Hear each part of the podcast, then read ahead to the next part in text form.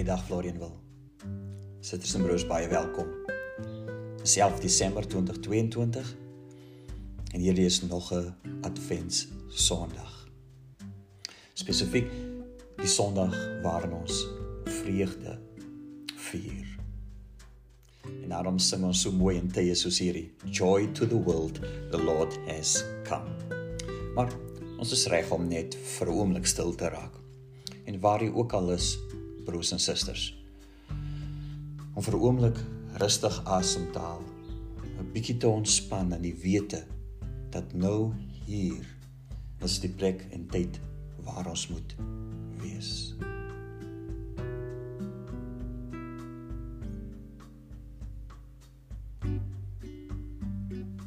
Aanbiddelike Heer. In hierdie adventstyd, Here, is ons met vreugde gevul van die boodskap van Kersfees. Geef vir ons hoop. Laat vir ons vrede vind en bringe vreugde in ons harte. Want Here, ons is nie alleen in hierdie wêreld nie. En vir vandag Here, soos altyd, stuur die lig, stuur die waarheid. Amen. Vriende, genade en vrede vir elkeen van julle. Ons teksgedeelte is in Psalm 113 en in verse en verse in Lukas hoofstuk 4. Psalm in 113 lees. Halleluja. Loof diensknegte van die Here, loof die naam van die Here. Mag die naam van die Here geprys word van nou af tot in ewigheid.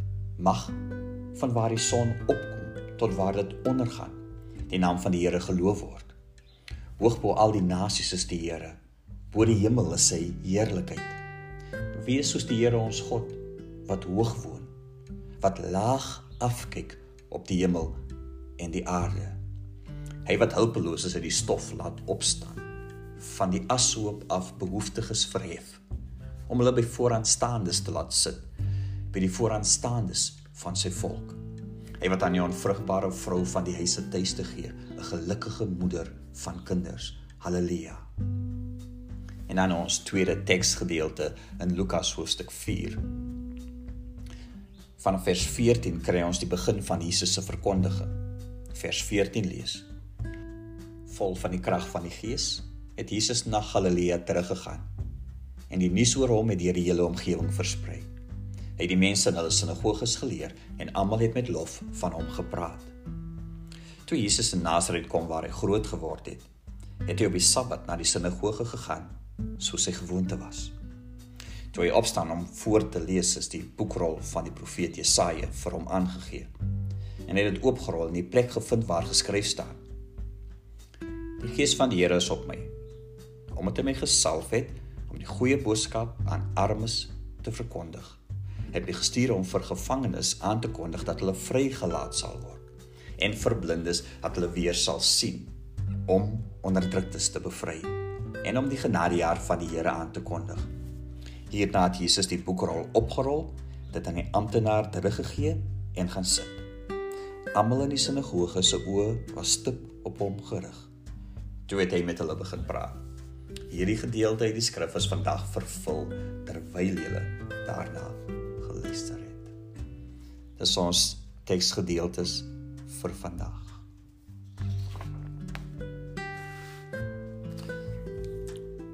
For yours is the kingdom and the power and the glory forever and ever. Amen. Now, this is how we end the Lord's Prayer. And normally, when it comes to this last part of the Lord's Prayer, we do this in confidence and with a certain certainty, right? The kingdom belongs to God and no one else. And this is true for Advent because during Advent time we prepare for God's coming to this earth. And we proclaim that God's kingdom, God's kingdom of mercy, justice, peace, salvation, came to us through His Son, Jesus Christ. In other words, came through King Jesus. And every year, this is our focus. We choose not to look at the forces of this world. No, we look at the one who is our present and our future. So during Advent, we refocus our lives. We remember the angels telling the shepherds a Savior has been born, the Messiah, the Lord. In Acts 10, Peter will say, Jesus Christ is Lord of all. And in Matthew 28, it says, you know, all power. That means all authority in heaven and earth belongs to Him. For yours is the kingdom. Now, Psalm 113 proclaims at its center not only that God is higher than anything and anyone, but also that God is at work turning this world into His kingdom, transforming everything. And then we have these verses God raises the poor from the dust, lifts the needy from the ash heap God makes them sit with princes. God gives the barren woman a home, making her the joyous mother of children. It is true, according to Psalm 113, that God is indeed transforming the lives of the poor, of the needy, of barren women. In other words, when it comes to the helpless and the powerless, their lives are renewed. They have a place now in this world. They sit with princes. Kan nie anders as om te onthou dat wie laaste is, sal eerste wees nie. En daarom is ons God die bron van 'n onuitspreeklike vreugde. Now, this text Psalm 113 also reminds us of Hannah, the mother of Samuel. In 1 Samuel Samuel chapter 2, Hannah prays and sings, you know, because she has conceived a child, a son has been given to her. And then she says, There's only, there's no holy one like the Lord. And then in verse 8, these words of the psalm He raises the poor from the dust, He lifts the needy from the ash heap to make them sit with princes. You know, for Hannah, God is the one at work and the one transforming lives, the one giving joy, the one who is making everything new, revising the world. Hierdie waarheid kan of 'n maklike waarheid wees of 'n moeilike een. Want wat God kom doen is is om mense op te lig vanaf ashoop tot paleis wat God kom doen is om die sosiale orde heeltemal om te draai. Selfs die Jode in die boek Levitikus lees ons dat daar moet omgesien word van die wat arm is, vir die wat swaar kry, maar spesifiek in die boek Psalms 113 en in die loflied van Hanna is hier die woorde dat God omstandighede 100% omdraai, die sosiale orde verander. Dis wat God doen. Die Psalm verduidelik nie hoe dit gebeur nie. Maar sê iets van die God wat gedien word. En daarom reg aan die begin van ons boodskap is die vraag: hoe lyk die God wat jy dien? You know, for what God did you settle for? Because the God of our Bible is the one who created a new heaven and a new earth uh, just by speaking And, and This is Genesis. This is the beginning. Our God parted the sea so that His people can be free. And you know, it's it's it's it's talk about the exodus. You know, from slavery to freedom. Through His Spirit, prophets and apostles did miracles. In the book of Acts in the New Testament, a new community was formed. You know, out of normal, normal people, and most of them were poor are people. And they lived in faith and power and they transformed their world. And through his son, Jesus Christ, you know, God is with us now. Ons wil op 'n manier um vanoggend kon hom kom onthou dat ons fokus is nie op die magte van die wêreld nie, maar dat God die lewe van mense kan verander en die orde kan omdraai. En daarom sal Abraham uiteindelik die vader van alle gelowiges word. Wat eintlik maar net gewoon iemand was. En daarom sal Maria wat gewoonweg maar net 'n jong vrou was, die moeder van die verlosser word. En daarom sal Dawid wat eintlik maar net 'n skaapwagter was, koning word van uh van Israel.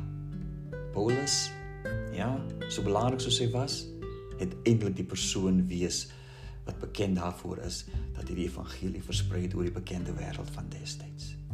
Is wat God doen. En ons kon hom kom onthou in die adventstyd en kersfeestyd dat God is saam met ons deur sy seun. Die teksgedeelte van die evangelie Lukas hoofstuk 4.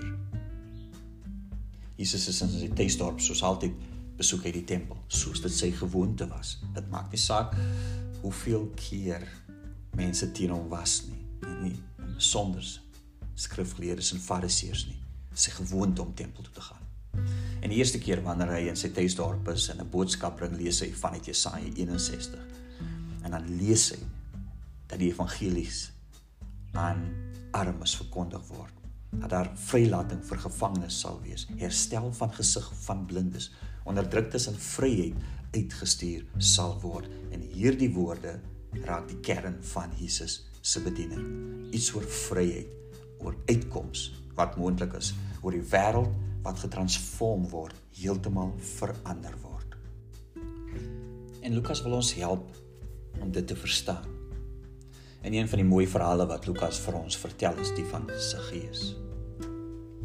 Hoe Jesus vir Saggeus ontmoet en op grond van hierdie ontmoeting hoe daar nuwe lewe vir sy gees is en hoe sy bekering uitloop op konkrete dade van hulp vir die wat hy uitgebuit het.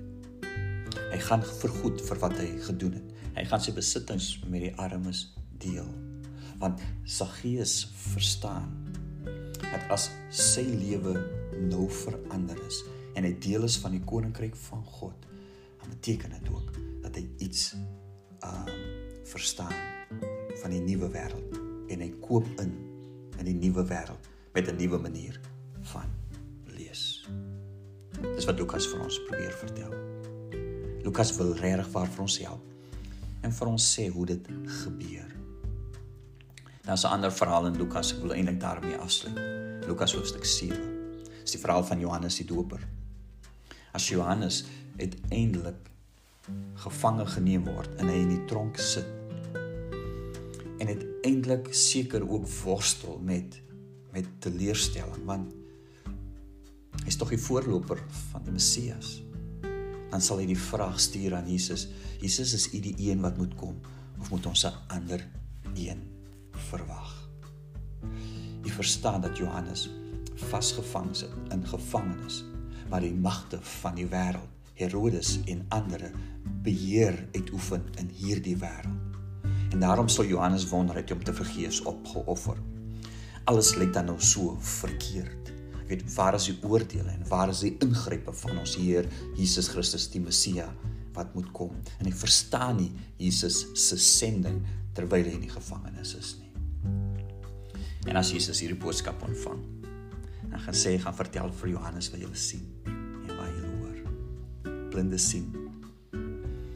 Lammes loop, belaatses word gereinig, dowes hoor, dooies word opgewek en aan armes word die evangelie verkondig. Samaal. Moet ons hoor dit wat Johannes die Doper hoor. As ons vir 'n oomblik vaskyk in die magte van die wêreld, moet ons onthou dat Jesus Christus wat gebore is in hierdie wêreld mag en majesteit het. Want aan hom behoort die koninkryk en die krag en die heerlikheid tot in ewigheid. Hoe dit gebeur? God sal dit laat gebeur. Presies wanneer weet ons nie altyd nie. Maar God se koninkryk vestig en dinge omdraai en die wêreld transformeer is verseker as ons inkoop hierin, dan leef ons ook so. Amen. Dierbare Heer, dankie Vader. Hierdie wêreld probeer ons vreugde steel. En die magte van hierdie wêreld probeer ons vreugde steel. En hierdie wêreld deur sy magte wil vir ons sê dat hulle koning is en nie u seun Jesus Christus nie. En hierdie is 'n tyd Hemelse Heer, soos ons in die woord gesê het, Heer, wat ons moet met weer eens fokus. En weer eens Hemelse Vader, weer eens verstaan dat die seun Jesus Christus koning is en Heer is en dat U almagtig is en dat U in beheer is. En Here terwyl ons dan dit besef en al sou ons soms soos Johannes voel, maar ons sien so min daarvan. Here wil U vir ons daaraan herinner dat dit die waarheid is van ons omstandighede en van hierdie wêreld. Ons behoort in U koning. Skenk vir ons hierdie geloof, Here. Besonder in hierdie feestyd dat ons met hoop en liefde en vreugde vorentoe sal leef. Die genade van ons Here Jesus Christus, die liefde van God ons Vader, troos en bemoediging van die Heilige Gees is met elkeen van u want aan die Here behoort die koninkryk en die krag en die heerlikheid tot in alle ewigheid. Amen.